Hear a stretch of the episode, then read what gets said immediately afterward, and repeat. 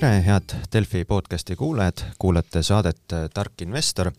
mina olen saatejuht Priit Pokk, minuga aitab seda teha kolleeg Taigar Väärtmaa. tere, Taigar! tere, Priit! ning tänases saates on külas Tallinna Tehnikaülikooli ning Mainori õppejõud, finantsökonoomika doktor ning samuti hetkel aasta investori tiitlit kandev Kristjan Liivamägi, tervist! tere!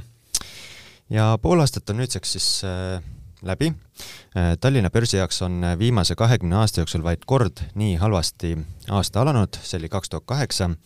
USA suurindeksi SB viiesaja jaoks äh, oli, on asi veelgi hullem, viimati oli langus sedavõrd suur ajal, mil ükski meist veel polnud sündinudki, ehk siis aastal tuhat üheksasada seitsekümmend, tsiteerides Deutsche Banki strateegi Jim Reedi Äh, hea uudis on see, et äh, raske esimene poolaasta on nüüdseks möödas, halb uudis on see, et ega teine poolaasta parem välja ei näe. Äh, kas nõustuda?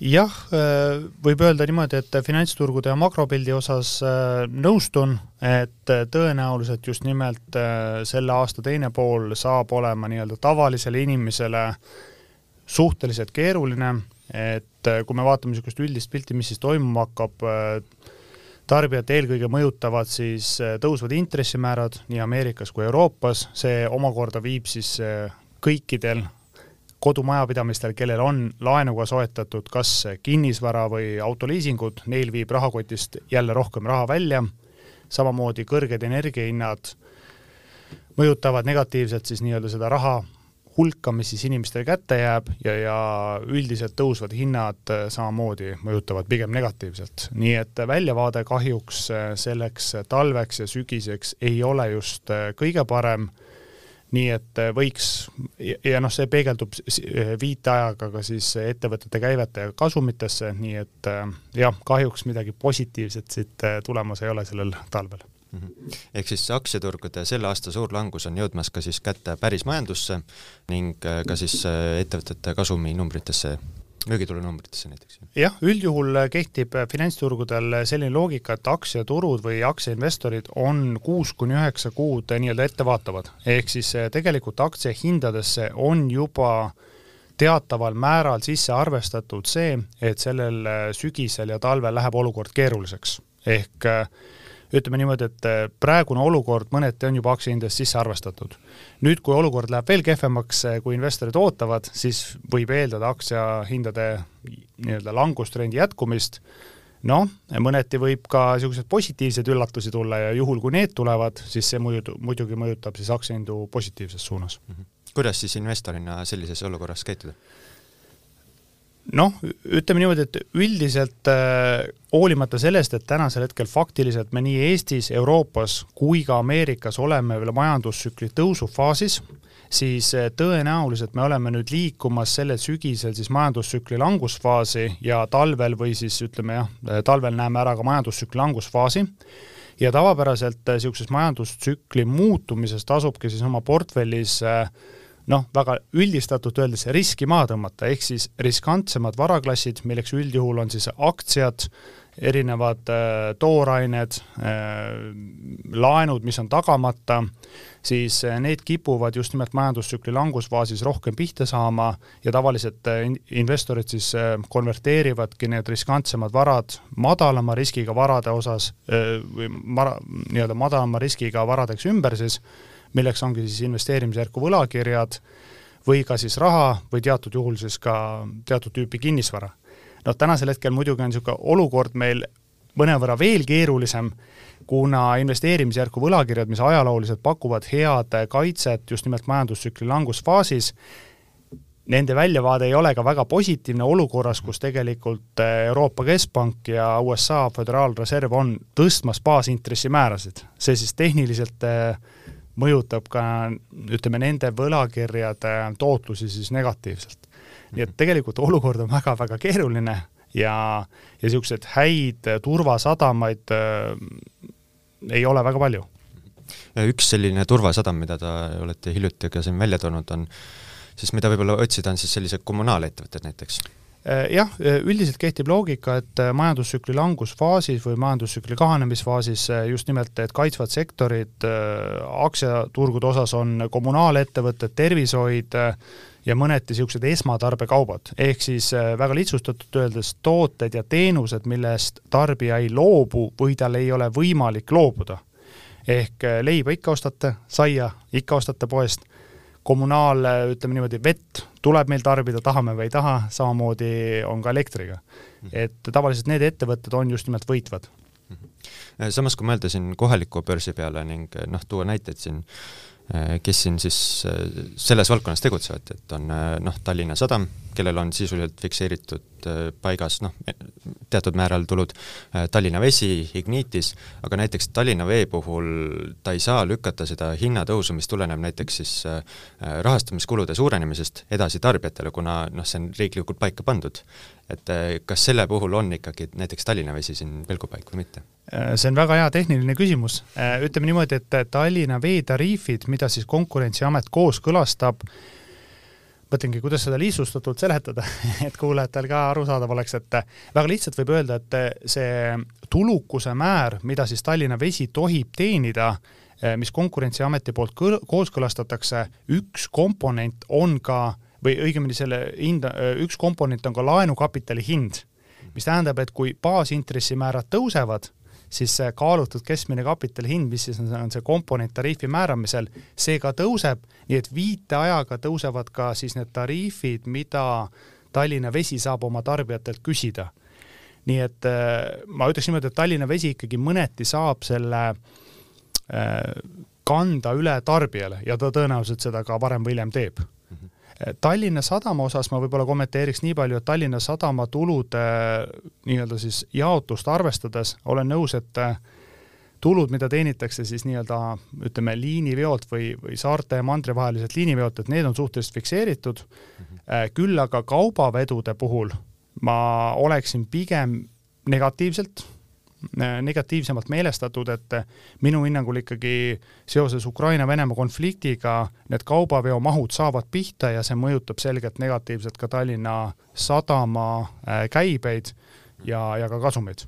Mhm. aga üldpõhimõttega olen nõus kas on veel mingeid siin kohalikul turul kättesaadavaid viise, kuhu oma siis, kuhu praegu oleks nii-öelda kohalikul jaeinvestoril mõistlik äh, raha paigutada, võttes noh arvesse, et võib-olla võlakirjad ei olegi kõikide inimeste jaoks tuttavad sedavõrd ja need ei ole sedavõrd lihtsasti kättesaadav, kuna nende nominaalväärtus on äh, noh, tüüpiliselt näiteks tuhat eurot mm. -hmm ma saan aru, et kõik tahavad alati igas turuolukorras teenida, teenida raha ja suuri kasumeid. see on äh, üks inimloomuse nii-öelda ahnuse äh, osasid.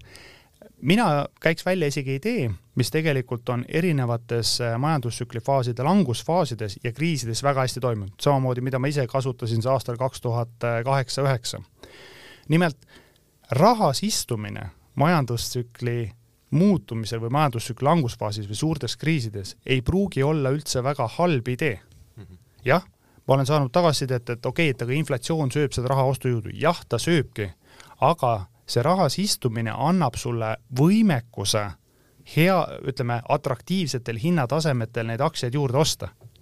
Ja, ja kui nüüd ütleme siis eeldada või oota, oodata, et majanduses lähevad olukorrad veel keerulisemaks ja see kandub üle ka aktsiate hindadesse, siis tegelikult selleks, et kasutada seda võimalust madalamalt, madalamatelt tasemetelt aktsiate hindasid osta, on vaja raha. Ainult, ainuüksi teadmises, et noh, nüüd on hea aeg osta, on vähe, kui sul ei ole raha, millega neid varasid siis kokku osta. nii et ma ütleks, et just nimelt see suur finantskriis kaks tuhat kaheksa-üheksa näitas väga hästi, et likviidsus on väga oluline aspekt. ehk siis paralleelselt on cash is trash ja cash is king? jah, oleneb, mis on see, mis on, ütleme, mis on see väljavaade või mis on see strateegia raha hoidmisel. ma ütleks, et tänasel hetkel hoida mingi osa oma portfellist rahas, sellega saada meelerahu, et mitte emotsionaalseks minna, mitte hakata nii-öelda siis emotsiooni pealt investeeringuid müüma, aga olla valmis uueks tõusuks, siis kui vaatad natuke pikemat perioodi, siis tegelikult see on väga hea strateegia olnud selles võtmes just, et sa võid küll siin istuda pool aastat või aasta aega rahas, tootlus on null, aga sellest tõusust sa saad osa, mis tähendab, et nii-öelda aasta keskmisena sa teenid, ma ütleks niimoodi, et viie-seitsme aasta perspektiivis teenid ikkagi inflatsioonis kõrgemat tootlust mm. -hmm nii et strateegia mõttes ma arvan suhteliselt edukas. Te olete rääkinud nendest samadest majandustsükli faasipõhistest siis investeerimislähenemistest juba siin korduvalt ja korduvalt juba ka varasematel aastatel et kas selline, selle puhul üldse see siplemine tasub end ära, sest kui mõelda seda, et noh, tihtilugu, kes suudab ette ennustada see, et millal me oleme tipus, millal me oleme langus, see, see on selline noh, ikkagi keeruline ülesanne ja kõik maailma tuntud investorid on öelnud seda, et nemad ei suuda ajastada neid perioode. Ja kui siin on näide sellest, et tuntud investor Peter Lynch on öelnud seda, et et tihti kaotatakse rohkem raha selle, sellega, et valmistudes kriisiks, kui sellega, et kui palju siis krahv sul siis nii-öelda portfelli vähendab mm. -hmm. jaa, üldjuhul olen selle mõttega nõus ja erinevad empiirilised uuringud, teadusuuringud on näidanud, et tegelikult turgu ajastada suudab väga väike osa investoritest, see on alla nelja protsendi. ehk siis võiks öelda, et kui tegemist on jaeinvestoriga, väikeinvestoriga, kellel ei ole mitte mingisugust eelist suurte institutsionaalsete investorite ees, nii informatsiooni osas või muud eelist mm, -hmm. siis tegelikult turgu ajastama minnes tõenäosus ei räägi sinu kasuks. küll aga noh, mina samamoodi, olulise osa oma portfellist tegelikult on pikaajaline, ma ei muuda seda ja ma ei, ma nii-öelda ei, ei osta ja ei müü ja ei, ja ei, mõnes mõttes ei ürita ka turgu ajastada. küll aga teatud osaga oma portfellist ma nii-öelda tekitan just nimelt selle likviidsuse või likviidsuspuhvri selleks, et nii-öelda kasutada neid soodsamaid aegu. me, me, me, ma ütlen ausalt, mitte keegi meist ei tea ette, millal oli turu tipp ja millal oli turupõhi ja tegelikult edukaks investeerimiseks ei olegi vaja seda ette teada. piisab, kui sa oled turgudel sees mm, -hmm. aga selleks, et inimlikul tasemel, eh, kuidas öelda, säilitada meelerahu ja mitte kaotada pead, et müüa põhjas, sest raha on vaja elamiseks selleks on vaja teatavat rahapuhvrit ja ma arvan, selles mõttes raha osakaalu suurendamine keerulistel aegadel eh, vähemalt minu puhul on toimunud, toiminud äh, väga kenasti, ma olen inimese, ütleme nii-öelda eraisikuna ja investorina palju kaalutletum, palju rahulikum, ma tean, mis on mu plaan ja ma järgin täpselt plaani. -hmm. et, äh, et ma arvan, see, selles mõttes noh, võiks öelda, et äh, ajast eh, majandustsüklite mõistmine, arusaamine on oluline just selles kontekstis, et eh, mõista, kus sa oled, kuhu me liigume ja mitte lasta nii-öelda emotsionaalseid eh, otsuseid domineerima. Selle ajastamisega on üks hea lugu, mul endal üks tuttav minu initsiatiivil hakkas investeerima siin eelmise aasta lõpus, on ju, ja ma ei teagi ausalt öeldes, palju ta lõpuks jõudis sinna raha siis börsile viia, aga nüüd ta ütles mulle hiljuti, et tema isegi kahemeetrise toikaga ei puutu ei aktsiaid ega krüptoturgu, et äh, mida sa ütleksid neile, kes on täna samas olukorras ja et nad taastaksid oma selle soovi ja huvi siis investeerimisega jätkata? noh, üldjuhul kriisid nii inimlikul tasemel kui ka siis investorina on väga head õpetajad ja tavaliselt just nimelt kriiside ajal õpitakse tundma mitte ainult ennast, vaid ka enda käitumist keerulistel aegadel. seega ma ütlen, et kriisid on kõige parem aeg õppimiseks. Ja noh, ütleme niimoodi, et siinkohal võib-olla ongi hea siis tagasi vaadata oma portfellile, mis iganes tal seal portfelli sees on ja küsida, et mis oli minu algne investeerimistees kui vastus on see, et mul mingit investeerimist ees ei olnud ja sõber saunas soovitas mul lihtsalt äh, osta mis iganes äh, Bitcoini või Etherumi, siis tegelikult see, see ongi hea, väga hea õppetund. niimoodi päris ei saa, et sõber soovitab või, või, või ma kuskilt nii-öelda, ma ei tea, Facebookist lugesin, et keegi mõtles, et see võib olla hea aktsia. ehk siis esimene õppeprotsess ongi see, et tuleb paika panna enda investeerimistees, enda investeerimisstrateegia ja vastavalt sellele strateegiale siis käituda. ja vot siis ei teki ka selliseid olukordi, just nimelt emotsionaalsed olukordi, et seda ma kunagi ei näpi või see on halb, eh, sest see on puhas emotsionaalne hinnang mm, -hmm. halb või hea.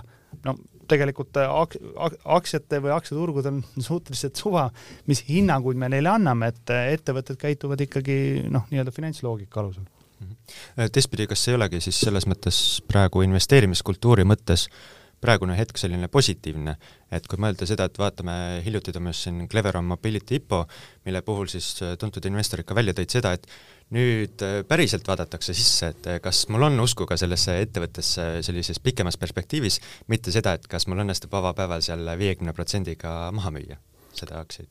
jaa, minule investorina kriisid ja majandustsükli langusfaasid väga meeldivad, sest see päriselt sunnib inimesi süvenema ettevõtte sisusse ja aru saama, millega see ettevõte tegeleb ja kas mina päriselt soovin sinna oma raha investeerida või paigutada.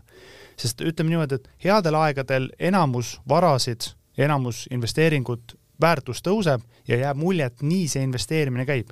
täna panen sada eurot sisse, tahaks juba kuu aja pärast sada viiskümmend välja võtta. Õnneks varem või hiljem nii-öelda turg korrigeerib niisuguse käitumise ja just nimelt kriiside ajal tulebki esile väga oluliselt see analüüsimine või analüüsioskus. mida ma ülikoolis tudengitele ka ütlen, et mulle just nimelt kriisid sunnivad investoreid võtma lahti ka ettevõtete majandusaasta aruandeid, lugema, mida juhatus ettevõttest arvab, vaatama, mis on ettevõtte varad, milliseid kasu, millised käibed on, millised on kasumid. ja, ja minu, ma, ma tavaliselt ütlen ühe hea kontrollküsimuse, et juhul, kui te ei suuda või ei saa sellest informatsioonist aru, siis see on parim indikaator, et sinna ettevõttesse ei tasu investeerida. ja see teadmine on väga väärtuslik. Teadmine, et jätta investeering tegemata, ma, ma ütleks, et on, on võib-olla isegi olulisem kui see, et teadmine, et kuhu siis investeerida siin hiljuti just äh, nädalavahetusel toimus äh, taas ka investeerimisfestival, äh, kuhu kogunes siis poolteist tuhat kohalikku investorit. et millised sellised meeleolud või mõtted teil sealt meelde jäid seekord? Jaa, võiks öelda, et me-, meeleolud oli tavapäraselt niisugune mõnus ja suvine, noh, mõtete osas ma ütleks niimoodi, et mina isiklikult oleks oodanud, et see meelestatus on ikkagi negatiivsem, vaadates turgudel toimuvat või, või niisugust sentiment on negatiivsem, aga reaalsuses tundus, et vähemalt see grupp inimesi, kes sinna olid koha, kohale tulnud, et nad kas olid, teadsid, mida nad teevad, nad olid, nad olid suhteliselt rahulikud ja ja, ja võib-olla siis äh, nende strateegiad olid nagu kenasti paigas, et mm -hmm. minu jaoks isegi väga üllatav, et meeleolud nii optimistlikud olid mhm. vaatasin, et ka tutvustasite siis sealsamas ka seda uut raamatut, mis teil nüüd välja tuli ja sellest ka tuleb siin saate teises pooles ka juttu, et ja jäi silma, et ka inimesed käisid küsimas teie käest erinevaid küsimusi, et mida, mida teilt siis soovitati ka teada?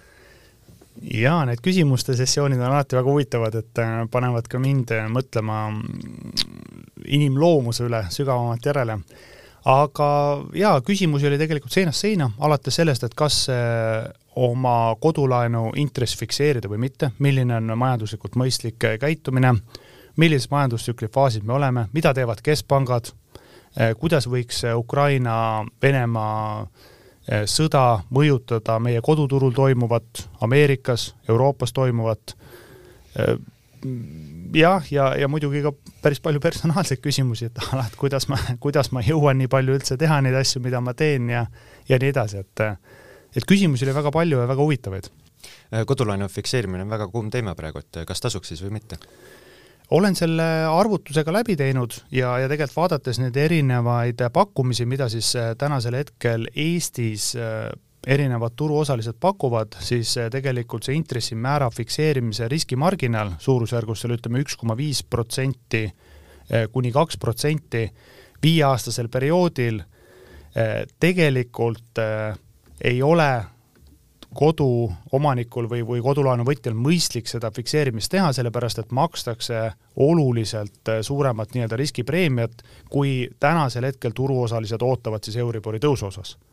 ja, ja no mõnes mõttes see on loogiline, sellepärast et noh, kui sa mõtled sedasama mõttekäiku teise poole pealt, ehk siis panga seisukohast, siis selge on see, et pank ei ole heategevusorganisatsioon, kelle eesmärk on kõikide koduomanike nii-öelda siis tõusvat intressimäära riski enda kanda võtta ja kõigile head teha. panga eesmärk number üks on omanikele kasumi teenimine ja sellest lähtuvalt on ka see, ütleme niimoodi, kindlustustoode hinnastatud. ja, ja kui vaat-, selle nurga alt vaadata, siis mõnes mõttes need numbrid, mida pangad pakuvad, on täiesti loogilised aga kas selline stsenaarium oleks võimalik, nagu ma vaatan praegu graafikust, et kaks tuhat viis aasta oli Euribor äh, kaks koma üks protsenti ja kaks tuhat kaheksa oli äh, nõks üle viie et äh, praegusel juhul tundub, et sellise stsenaariumi puhul oleks väga hea fikseerida täna ära selle, mis nad pakuvad seal kuskil kolme protsendi kandis vist või? no põhimõtteliselt jah, üks koma viis kuni kaks protsenti, pluss siis sinu riskimarginaal, mis iganes sul riskimarginaal seal on, ehk siis jah, kokku tuleb see kolm kuni neli protsenti siis. noh, mina ütleks niimoodi, et selleks, et vastata sellele küsimusele, tuleb vaadata natukene suuremat makropilti. Kas see olukord on võimalik, ma ütleks, et see olukord on võimalik, aga see kindlasti tänase turuosaliste ootuste kohaselt ei ole baasstsenaarium tänasel hetkel oodatakse, et selle aasta lõpuks nii-öelda või, võiks Euroopas kuni niisugune ühe protsendipunktini see tõusta, sealt edasi ka nii-öelda niisuguse null koma viie protsendipunktise sammuga, see on siis turuosaliste ootus. Ja, miks mina isiklikult ei usu viieprotsendist Euribori lähiajal või ütleme siis lähima viie kuni seitsme aasta jooksul, põhjus on väga lihtne, põhjus peitub selles, et äh, Äh, Euroopa Keskpanga baasintressimäär, mis mõjutab ka siis Euribori, on üks-ühele kandub üle ka riikide võlakirjade intressidesse. mis tähendab seda, et kui Euribor tõuseb väga palju sinna viie protsendini, siis Itaalia riigivõla intress on seal, ma arvan, niisugune kuus kuni seitse protsenti ja tänasel hetkel Itaalia ei suudaks jätkusuutlikult oma riigivõla intresse, me ei räägi põhiosa tagasimaksest, vaid intresside teenindamisest ja, ja ma arvan, et sinna, mis siis toimuks, toimuks see, mis väiksemas mastaabis oli aastal kaks tuhat üksteist, kaksteist Kreeka või noh, Euroopa võlakirjakriis, ehk siis äh, tegelikult äh, nõrgemad Lõuna-Euroopa riigid ei suuda oma võlga teenindada ja kukuksid toomina klotsidena kokku. ja Itaaliat, Hispaaniat ja Portugali sellisel viisil, nagu Kreekat päästeti, minu hinnangul päästa ei ole võimalik. mis tähendab, et Euroopa Keskpank lihtsalt peab arvestama seda olukorda ja tal isegi kui ta tehniliselt peaks tõstma nii palju intressimäärasid tulenevalt kõrgest inflatsioonist, siis ta seda teha lihtsalt ei saa teistpidi, kui mõelda seda, et äh, siin kahe nädala pärast toimub siis esimene, tõenäoliselt esimene siis Euroopa Keskpanga intressitõus, äh, küsimus on selles, et kas Euroopa Keskpank jõuab üldse selle järel veel intressi tõsta, kuna arvat-, arvestades seda, et siin noh, majanduse keerulisemad ajad jõuavad ilmselt sügisel kätte, et kas neil on üldse manööverdamisruumi, et sealt veel edasi minna? Äh, jaa, see on äh, üks, ma ütleks, üks huvitavamaid teemasid ja mõttekäike, et äh, ma ütleks, et kuigi baasstsenaariumi kohaselt turuosalised ootavad täna kõik intressimäära tõstmise jätkamist, siis mina käiksin välja niisuguse alternatiivse stsenaariumi, mille tõenäosuseks ma ise tänasel hetkel hindan niisugune kümme kuni kakskümmend protsenti, aga mis läheb väga hästi kokku sinu mõttekäiguga. nimelt Euroopa Keskpangal on kaks peamist eesmärki, mida ta jälgib intressimäärade tõstmise või langetamisel ja rahapoliitika kas kitsendamisel või äh, laiendamisel. Need on siis majanduskasv ja inflatsioon. tänasel hetkel inflatsioon on selgelt üle nende pikaajalise eesmärgi, mis on siis kaks protsenti, mis tähendab, et nad peavad intressimäärasid tõstma selleks, et äh, majandust jahutada, selleks, et inflatsiooni alla tõmmata. sügisel tulenevalt juba nii-öelda niisugusest statistilisest baasefektist, kuna eelmise aasta sügisel energiahinnad tõusid väga palju, siis tänu sellele, et need, see baas on juba nii kõrge, meil jääb mulje statistiliselt, et ja. inflatsioon hakkab alanema.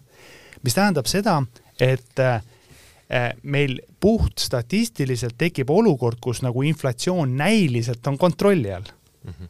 ja nüüd liigub kogu fookus või suur osa fookusest majanduskasvu peale aga majanduskasvu enam ei ole või õigemini majandus hakkab langema, mis tähendab seda, et Euroopa Keskpank hakkab taas kord stimuleerima majandust sellest, et selleks, et majanduskasvu äh, taastada. ja, ja me oleme, jõuamegi täpselt niisugusesse olukorda, kus nad enam ei saa intressimäärasid tõsta äh, või see nii-öelda ootus enam ei pea paika ja kui mõelda järgmise aasta peale, siis võib tekkida seesama statistiliselt deflatsiooni küsimus, ehk siis kui vaadata praeguseid energiahindu, mis on seal üle kahe, noh, täna oli elektri hind oli üle kahesaja euro megavatt-tunni kohta, et siin võib tekkida seesama koht, kus tegelikult järgmine aasta hinnad hoopis langevad. kui, kui energiahinnad siis lähevad alla Äh, jaa, täpselt, et siin, äh, see on niisugune huvitav fenomen, et keskpank kipub tavaliselt alati käituma viiteajaga, ehk ta on alati nii-öelda sellest äh, turuolukorrast maas, mis tähendab seda, et kui nüüd ikkagi tõstetakse väga kõrgesti neid int-, väga kiiresti neid intressimäärasid, siis juba jahtuvat majandust jahutatakse veel rohkem maha, mis tähendab, et ühel hetkel meil ongi seal võib-olla deflatsioon tänu sellele, et see baasefekt on juba nii tugev. ja, ja siis see sunnib omakorda keskpanka veel lõdvemat rahapoliitikat jätkama, sellepärast et majandust äh, nii-öelda aktiviseerida ja kuna inflatsiooni eesmärk ei ole ka täidetud, siis, äh, siis, siis toimub see vedru nii-öelda tagurpidi lahti laskmine. Äh, vaadates tagasi taaskord siin esi, esimese poolaasta siis aktsiaturgude käekäigu peale, siis seda on defineerinud ikkagi inflatsioon, intressitõusud, ehk siis järelikult Euroop-, või noh, maailma siis keskpangad ka sealjuures on mänginud väga suurt rolli, ehk siis sisuliselt pole sedavõrd tähtis olnud selle languse käigus see, et kuidas nendel ettevõtetel konkreetselt läheb, vaid see kogu see juhthoovad oleks justkui keskpankade käes. kas börside mõttes nii-öelda nende roll on võib-olla liiga suur või, või praeguses olukorras või mitte? no ma jah, selge on see, et keskpangad äh, määravad rahapoliitikat, mis tegelikult mõjutab äh, otseselt ka ju tarbijate, ettevõtjate käekäiku. ehk siis ma arvan, et see kõik on omavahel seotud, ma, ma ei annaks nagu keskpankadele liiga suurt niisugust äh, mõjuvõimu öelda, et nemad määravadki nüüd ära, kuidas aktsiahinnad liiguvad, pigem on siin nii-öelda need teise, kolmanda ja neljanda ringi efektid, mis siis määravad ära investorite otsustusprotsessi ja institutsionaalse raha liikumise. noh, väga lihtsustatult võib öelda, et idee on selles, et mida kõrgemad on intressimäärad, siis seda kõrgemaks läheb ka nii-öelda siis sisuliselt see diskontomäär, millega neid äh, rahavoogusid institutsionaalsed investorid tänasesse päeva diskonteerivad. noh, lihtsustatult jättes selle keerulise mehhanismi kõrvale, siis tähendab see seda, et kõik igasugused riskivarad või ettevõtted mille rahavood ja kasumid peaksid laekuma kunagi tulevikus, noh, erinevad tehnoloogiaettevõtted, mis tänasel hetkel on kahjumis ja investeerivad, nende väärtus tänasel hetkel läheb väiksemaks. ja investorid hakkavad hindama rohkem tänase hetke rahavoogu, ehk siis stabiilsed dividendimaksjad, niisugused küpsed ettevõtted. mis tähendab, et raha liigubki sellest spekulatiivsetest äh, tehnoloogiaettevõtetest nii-öelda rohkem niisugustesse vähem riskantsematesse varadesse. ja see protsess on juba käima lükatud tulles äh, tagasi siis äh, sellise teema juurde, mis inimesi lähemalt palju huvitab, kinnisvara, ehk siis vaadates maailmas toimuvat, siis on mitmel turul juba märgata sellist jahenemise märke, võttes USA näite, Rootsi näite, et isiklikult, kas siin kohalikul turul praegu julgeksite kinnisvara hinda, kinnisvara osta või mitte? jaa, kinnisvara puhul noh, kui me nii-öelda puhtalt majandustsüklite teooriast lähtuks, siis tegelikult kinnisvara on üks viimaseid varaklasse, mille hind eh, siis eh, peaks hakkama langema. noh, tänasel hetkel tegelikult võlakirjade õiglased väärtused on langenud turgudel, aktsiate hinnad on langenud, toorainete hinnad on oma tipust alla tulnud ja noh, nüüd peaks järgi tulema ka siis kinnisvara, mida me näeme, et näiteks Rootsis eh, ja Ameerikas juba on juhtunud. noh, Eestis see veel ei ole juhtunud, võib-olla osad äh, Eesti kinnisvarainvestorid arvavad, et e-, Eesti ongi niisugune fenomenaalne turg, et siin kinnisvarahinnad ei lange, aga noh, reaalsuses päris nii see ei kipu olema. mina isiklikult kinnisvara hindade osas, et siin on väga tugevaid nii-öelda argumente nõudluse pakkumise suhtes, et miks kinnisvarahinnad tegelikult ei peaks langema, ja, ja mul isiklikult väga sügavat kinnisvarahindade langust, vähemalt Tallinnas ja Tartus, on keeruline näha tulenevalt siis nõudlusest aga kas kinnisvarasse täna raha paigutada, see sõltub väga selgelt sellest, kas ma olen koduostja või ma olen kinnisvarainvestor. kinnisvarainvestorina mina isiklikult tänasel hetkel kinnisvara ei, ei soetaks, et minu jaoks need hinnatasemed ei ole atraktiivsed ja, ja ma usun, et neid ostukohti tuleb siin paremaid. koduostjana see otsus on puhtalt emotsionaalne ja seal kaaluvad emotsionaalsed aspektid üle niisuguse äh, nii-öelda finantsloogika.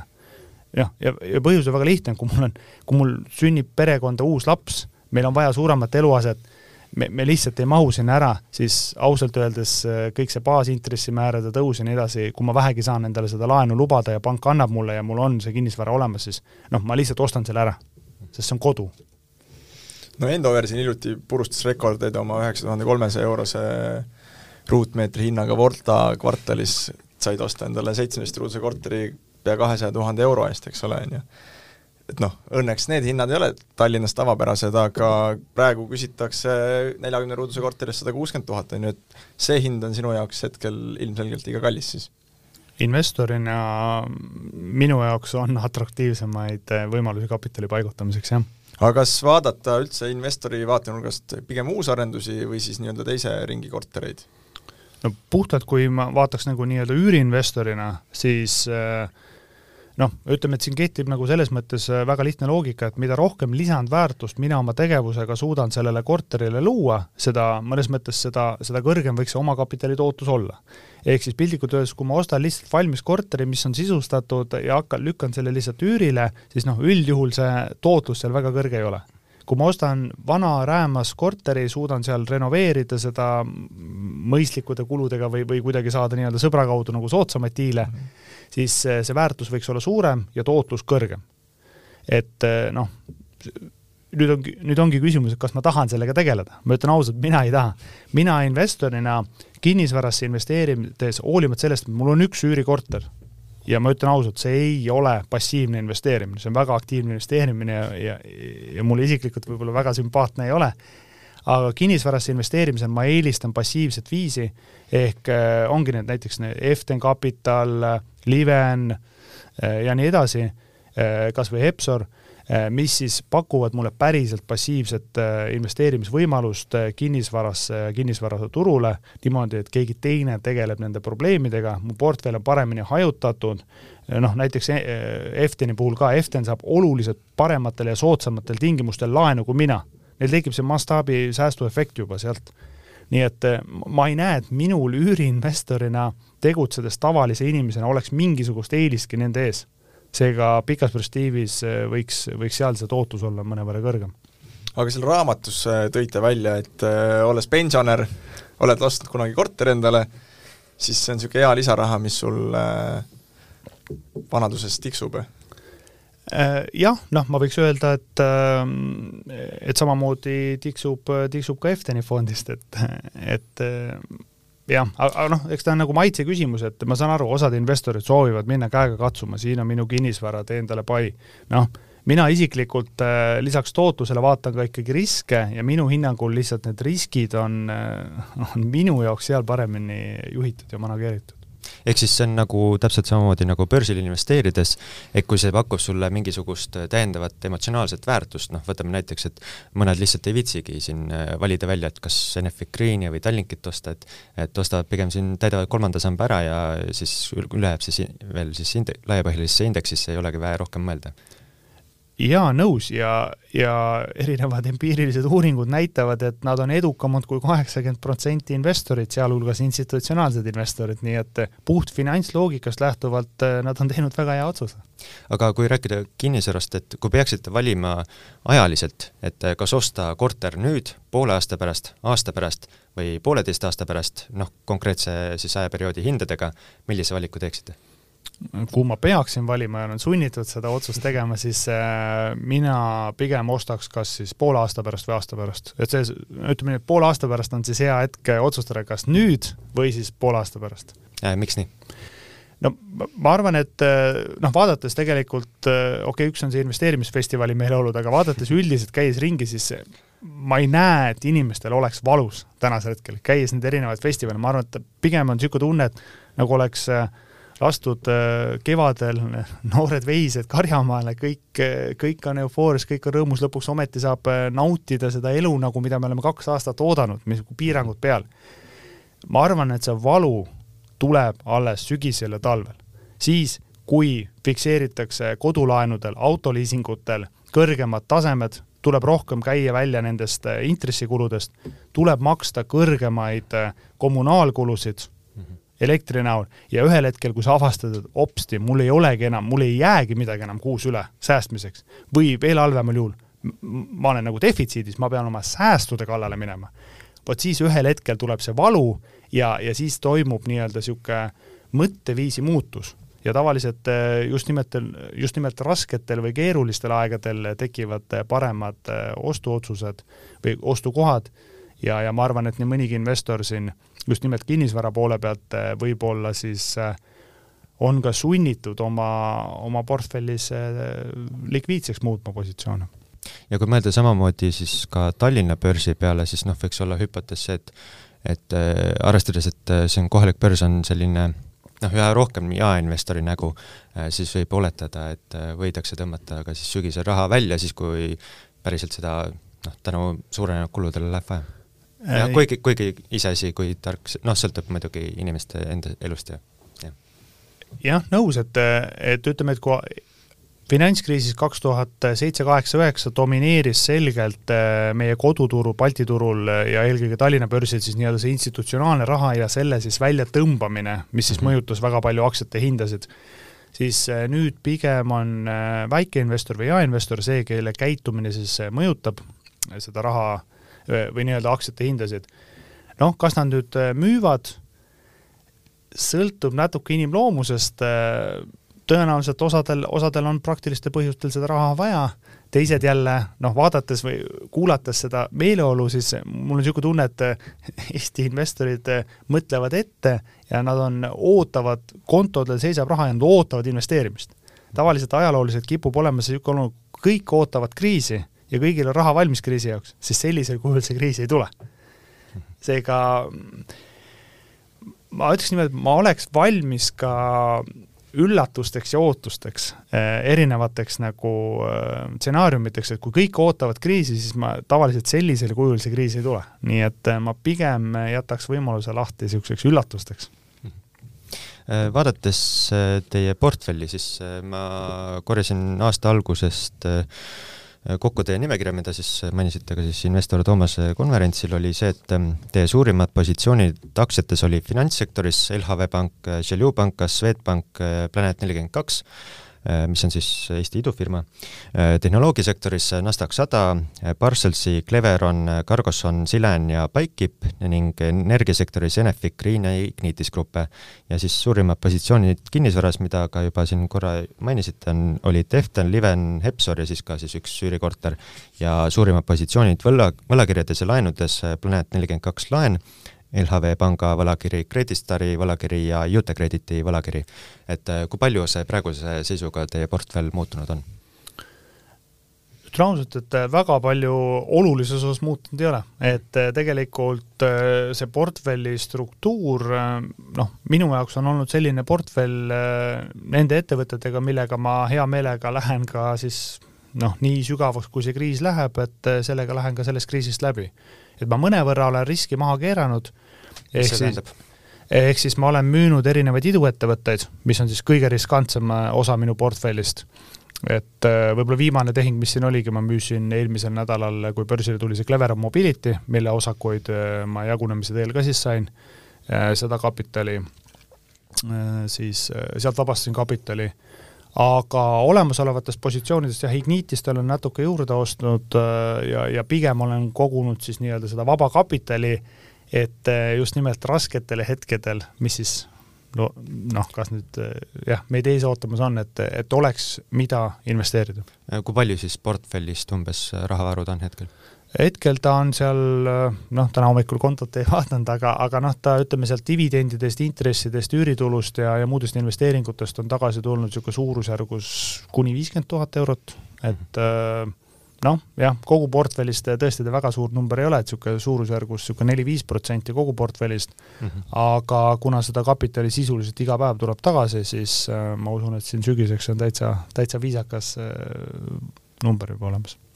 Äh, vaadates finantssektori peale, üks asjaolu, mida ka nii LHV Panga, LHV Grupi juht kui ka te ise olete toonud välja, on see, et ähm, panganduses toimub äh, intressi tõstmine, tõstmiste juures selline teatud lõtk, äh, kus siis äh, pangad saavad tänu intressi tõstmistele suuremaid kasumeid. et millal võiks olla see hetk, kus, ähm, kus siis see nii-öelda, kuidas seda öelda, et, et oleks õige aeg finantssektorist väljuda, mis on selline tingimus, et vaata, et, et see preemia ei tasu ennast ära mm? -hmm jah, eks seda peab äh, nii-öelda siis äh, kontekstis vaatama, kuidas öelda, ettevõtte väärtus suhtes tema turuhinda, et äh, kui seal ikkagi väga suured käärid sees on, et ettevõtte nii-öelda see õiglane väärtus on oluliselt alla tema turuhinna, siis noh, üldjuhul see on hea aeg väär-, väljumiseks. noh, see turuhinna hindamine on muidugi ülikeeruline tegevus, aga üldjuhul tegelikult, mis on huvitav, ongi see, et finantssektor majandustsükli nii-öelda langusfaasis või kahanemisfaasis saab ka võimendusega pihta Mhm. kuna finantssektor oma nii-öelda niisugusest tegevusspetsiifikast tulenevalt on väga suure finantsvõimendusega. Selli-, see praegu olemasolev äh, olukord, kus tegelikult äh, ütleme näiteks LKV aktsiahind ei ole väga palju langenud, ongi mõnevõrra peegeldab seda olukorda, kus äh, ühe poole pealt meil küll on väljavaade majanduse suhtes negatiivne, noh, seal on see loogika, et kui majanduses on olukord keeruline, siis inimeste tagasimakse, laenu tagasimakse teenindamisvõime halveneb, ehk läheb ro-, rohkem laene nii-öelda hapuks ja sealt tulevad täiendavad siis kahjumid peale. Siin on küll üks aspekt happude laenude puhul, need ei pruugi alati ka realiseeruda. Jaa, täpselt, ehk siis äh, tehniliselt see on suhteliselt kompleksne, aga, aga põhimõtteliselt provisioneerimise või siis laen, laenude allahindluse hindamine äh, üldjuhul tähendab niimoodi, et tehakse nagu, kuidas öelda siis, tulenevalt siis regulatsioonidest provisioneeritakse üle, ehk tehakse suuremaid äh, nii-öelda provisjone laenudeks, mis võivad minna hapuks, aga reaalsuses tuleb välja, et need ei pruugigi minna hapuks, mis siis kunagi pööratakse tagasi. aga jah, praegusel olukorras, mis siis neid äh, mõjutab finantssektorist selgelt positiivselt, on siis need intressimäärad, tõusvad intressimäärad, mida üldjuhul majandustsükli langusfaasis me ei tohiks näha. ja see muudab selle pildi mõnevõrra keerulisemaks ja see on ka põhjus, miks mina tegelikult finantssektori aktsiaid ei ole müünud, kuna tegelikult nende väljavaated netointressitulu osas ja puhaskasumite osas on hetkel positiivsed aga müügimõtte peale mõtlete siis, kui happude laenude osakaal tõuseks mingisuguse teatud protsendini või kuidas te hindate seda? no üldjuhul siis on juba hiljaks jäänud selle asjaga, et äh, tegelikult äh, ütleme niimoodi, et praegusel hetk- äh,, kui me ei näeks äh, intressimäära tõstmisi -hmm. või kui väljavaated intressimäära tõstmise osas muutuks selgeks äh, negatiivsemaks, siis tegelikult ja majanduse osas me eeldame majanduslangust, siis, siis tegelikult finantssektor saab pihta ja tuleks need positsioonid äh, pigem likvideerida. tänasel hetkel lihtsalt, kuna see minu baasstsenaariumi kohaselt me näeme ikkagi intressimäära tõstmisi Euroopas, siis äh, selle mõju, äh, kuidas öelda, kompenseerib selle võimaliku halbade laenude provisioneerimise kahjumi. Börs on vaata et jõudnud siin suvepuhkusele, et inimesed enam äh, nii palju tähelepanu äh, võib-olla ei pööra, käived, käibed on jäänud väiksemaks, sel-, sedavõrd suurt langust nüüd siin viimasel ajal noh, nii palju pole näha olnud, aga vaadates siin on toimunud ka mõningad IPO-d, et saan aru, et Cleveron Mobility puhul tegutsesite vastupidi, et ehk siis ei osalenud tipus, vaid IPO-s, vaid müüsite maha jah, ütleme, et see protsess ma osalesin, aga mitte siis ostu poole peal, vaid müügi poole peal. ja no põhjus ei ole ka selles, et äh, Clever Mobility oleks halb ettevõte või noh, vastupidi, et ma arvan, et see on väga, väga nii-öelda ambitsioonikas ja väga äge ettevõte. Äh, minu puhul põhjus oli pigem selles, et ma soovin, minu strateegiline otsus on konsolideerida kõik iduettevõtete positsioonid, kus ma ei ole aktiivselt nii-öelda kaasa aitamas seda ettevõtet Äh, need nii-öelda, kuidas öeldes, äh, vähendada neid või maha müüa, sest ma ei loo mingit lisandväärtust seal. aga Indexo IPO-s osalete või mitte? Äh, tänase teadmise koha pealt mitte ja, ja, ja tõenäoliselt mitte. miks? minu jaoks noh, ütleme siis niimoodi, et ei ole see atraktiivselt hinnastatud. Et jah. aga rääkides siis äh, ühest äh, saate teisest teemast. et äh, vaadates siin kohalikku siis investormaastikku ning äh, tuntud investoreid, siis sellega käib käsikaasas see, et põhimõtteliselt iga meediast läbi käiv investor siis ka kirjutab mõne raamatu. Te olete siis kolmekesti seltskonnaga avaldanud siis nüüd teise sellise, mille nimi on siis investeerimisedu põhimõtted ja teisteks autoriteks on siis Tõnn Talpsepp ja Tarvo Vaarmets Äh, miks oli sellist vaja, sellist raamatut vaja kirjutada? noh, äh, meie võib-olla tulenevalt meie akadeemilisest taustast, äh, olles siis nii-öelda õpetamisega tegelevad Tallinna Tehnikaülikoolis Eesti Ettevõtluskõrgkoolis Mainor ja olles ka erinevaid teadusartikleid publitseerinud rahvusvahelisel tasemel, siis noh, tegelikult selle raamatu investeerimisedu põhimõtted kirjutamist me alustasime pea kaks aastat tagasi. ja, ja noh, meil tegelikult see mõte oligi see, et, et see esimene raamat, mis oli siis rahaedu põhimõtted, see keskendub puhtalt nii-öelda eraisiku rahaotsuste juhtimisele, alates sellest, et millist pensionisammast valida, kuidas oma pere-eelarvet koostada, kuidas on üldse mõistlik nii-öelda rahaga ümber käia. siis see investeerimisedu põhimõtted on puhtalt keskendunud ainult investeerimisele, ehk siis kuidas hinnata ettevõtete õiglast väärtust, aktsiate õiglast väärtust, võlakirjade õiglast väärtust, kinnisvara õiglast väärtust, kuidas äh, oma investeerimisportfelli paremini üles ehitada, milliseid tehinguid teha ja, ja kuidas seda portfelli ka riski juhtida. noh, miks seda raamatut vaja oli, me ütleme, et piltlikult öeldes me ülikoolis, mul käib iga aasta umbes tuhat tudengit erinevatest ainetest läbi ja ma näen, et äh, väga palju on niisugust emotsiooni peal investeerimist, ehk a la sõber rääkis, et krüpto on nüüd kuum või noh, ollakse kogu aeg nii-öelda selles turutsükli laine tipul ja tehakse neid otsuseid nii-öelda niisuguse emotsiooni pealt tipul. analüüsi väga keegi teha ei viitsi ja ütlen ausalt, viimased kaks aastat või õigemini viimased poolteist aastat on ka mõnes mõttes noh, olen saanud väga palju tagasisidet, et mis ma seda analüüsin ikka, niikuinii ma teen raha. noh, minu jaoks nüüd tegelikult ongi see hetk, kus eristatakse siis investorid, kes on päriselt analüüsi teinud, teavad, mida nad teevad, nendest investoritest, kes emotsiooni pealt teevad otsuse. kas see analüüs tähendab ilmtingimata ka siis see, et peab tegema diskonteeritud rahavoogude analüüsi ning õiglase väärtuse hindamist või saab ka lihtsamalt? ma ütleks niimoodi, et igasugune analüüs või investeerimisteesi koostamine annab tõenäosuse paremateks tehinguteks mm. -hmm. et äh, mulle meeldib jah, tõesti nagu see analoog spordiga, et äh, noh, üks võimalus on see, et ma ei tee üldse trenni. mu tehnika on väga kehva, ma lähen starti, vaatan, mis saab mm. -hmm.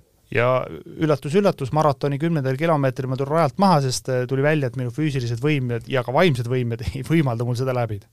iga tegevus, mida ma teen selleks, Äh, et oma nii-öelda siis vormi parandada kas aktsiaturgudel või äh, spordis, annab mulle suurema tõenäosuse teha edukas, läbida edukas marat-, maraton edukalt või siis teha edukam tehing. kas nüüd on vaja kohe minna sinna nii-öelda tippspordi juurde ehk hakata neid diskonteeritud rahavoogude meetodeid kasutama, noh, ma ütleks, et vastus on ei ole vaja. küll aga mingisugused baastõed analüüsis, näiteks see, et ma tean, et mul on investeerimist ees investeerimist ees võib olla mõnes mõttes väga lihtne. ma vaatan, et ma maksan kogu aeg kõrgemat elektri hinda, okei okay., ja, ja ma mõtlen, et kuidas ma saaksin nagu võita sellest investorina, noh, meil on börsil näiteks Enefit Green või Ignitis gruppe, kes äh, suurendavad oma mahtusid elektri äh, nii-öelda siis äh, tootmise osas, aga ka kõrgem elektri hind mõjutab nende tulusid positiivselt. ja kui nende kulud äh, noh, ütleme, et niisugune suht suur osa on püsikulusid seal, siis see täiendavad tulud jõuavad ka kenasti kasumireale ja makstakse investorite dividendi välja. Väga lihtne ja ma võiks öelda lausa noh, natuke noh, ma ei taha kasutada sõna labane, aga väga lihtne investeerimistees. aga juba, kui see idee mul olemas on, see on oluliselt parem kui see, et mul ei ole mitte midagi või sõber ütles, et, et Enefit Green tuleb börsile, ostame.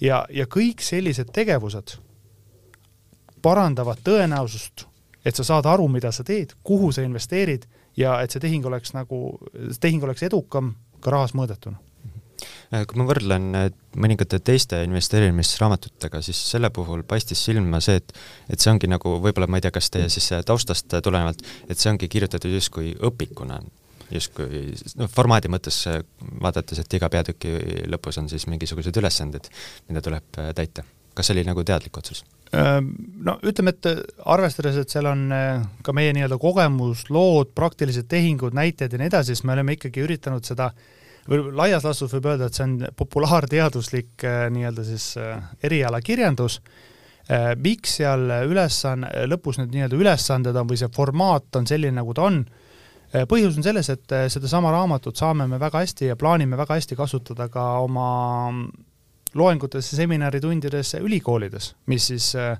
oma struktuurilt on jah, mõnevõrra nii-öelda akadeemilisem mm. -hmm. miks see investeerimisraamat on parem kui sajad teised, mis on ilmunud maailmas?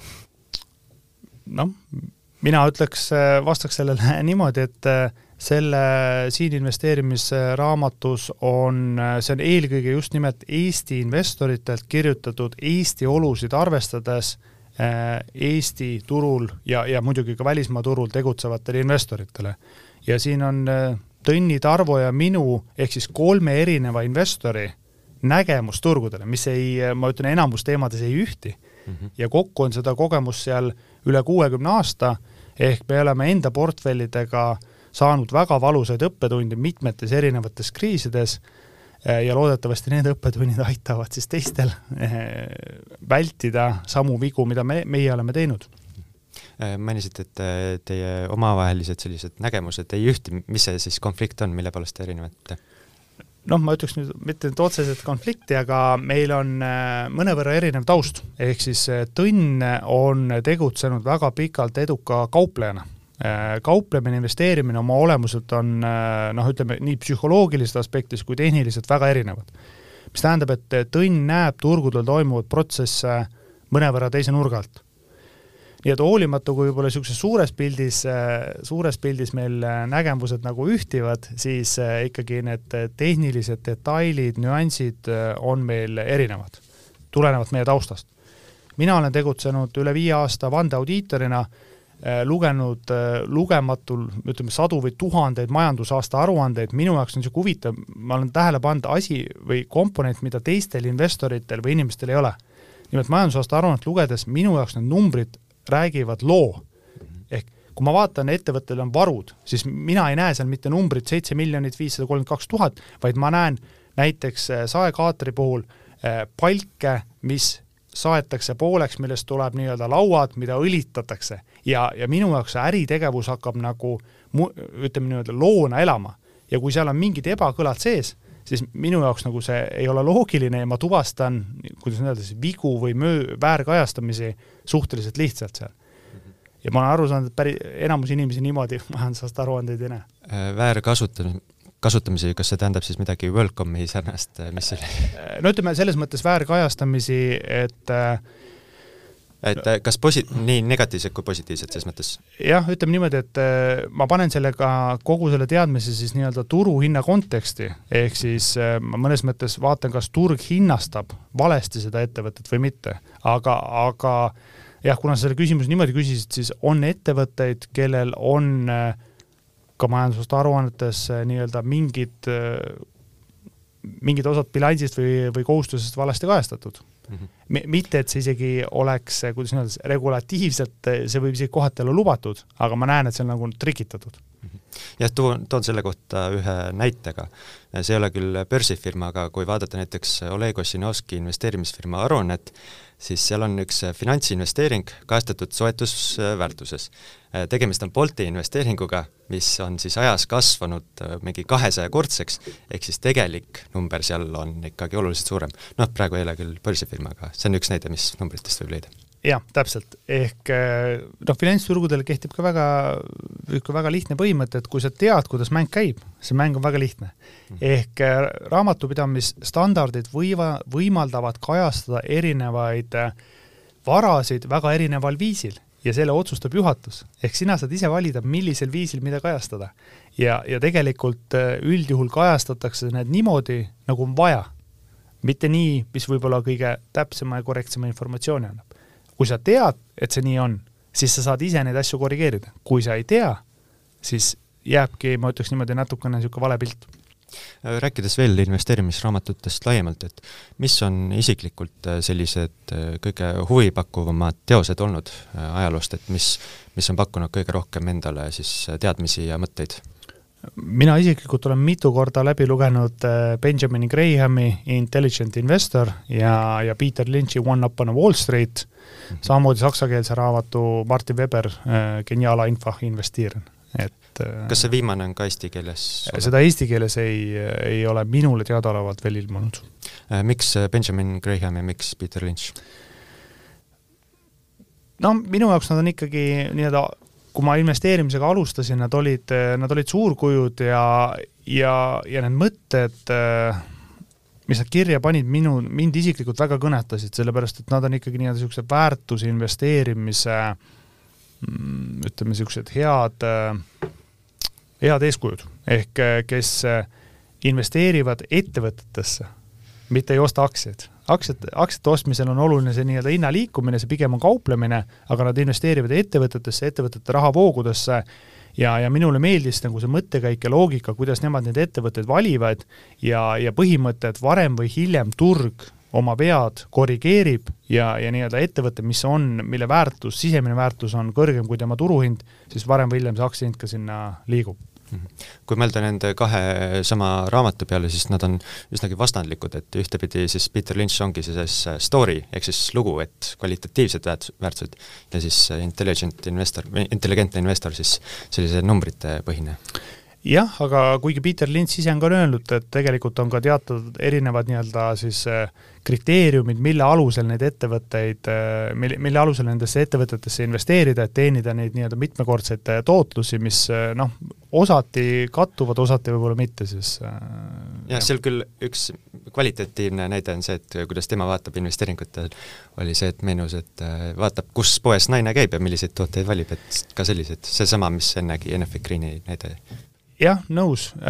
Noh, jah, äh, ütleme niimoodi, Warren Buffetti ja äh, ja Benjamin Grahami puhul tegelikult ka üks põhimõte, oluline põhimõte on saa aru, kuhu sa investeerid. Mm.. et ma ütleks niimoodi, et hea viis saada aru, kuhu sa investeerid, on, on tegelikult samamoodi Tallinna Kaubamaja puhul käia korra Selveris ära, vaadata, kas rahvast on või ei ole, et ma mäletan, et eelmise kriisi ajal ma seda põhimõtet ise ka rakendasin, ma käisin mitu korda Selveris mitte ostmas midagi, vaid lihtsalt vaatamas, kas rahvast on või ei ole.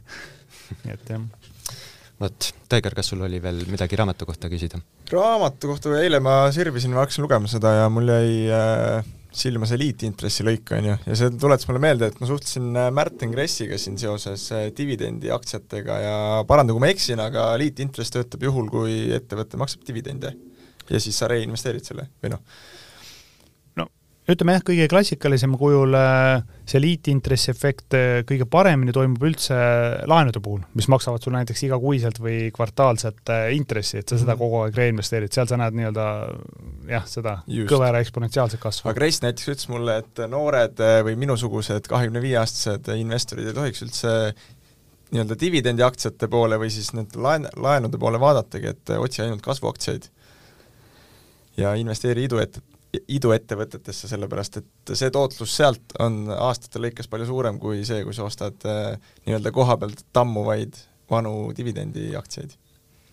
Noh, ma ütleks niimoodi, et see oleneb natukene sinu äh, investeerimisstrateegiast ja põhimõttest, et kui sul on äh, juba kapitali ja sinu eesmärk on kapitali nii-öelda kasvatamine mõõduka riskiga, siis ma arvan, et dividendiaktsiatel, laenudel, võlakirjadel, kinnisvaral on oma väga oluline roll sinu portfellis kui sa oled üliriskantne eh, või riski armastav investor, paljud arvavad, et nad on seda, aga päriselus eh, turgude languse korral nad ei ole seda, siis eh, jah, selleks on teised instrumendid, noh, ma ütleks niimoodi, et minul tegelikult alustavatele investoritele, eriti just niisugustele äh, aktiivsetele investoritele oleks pigem soovitus, et investeerige oma teadmistesse, oskustesse ja kogemustesse ja aktiivse tegevusega looge rohkem väärtust tööandjale või muude projektide näol, siis te teenite rohkem raha ja see tootlus sealt on palju suurem, kui te turgudelt suudate kunagi teha.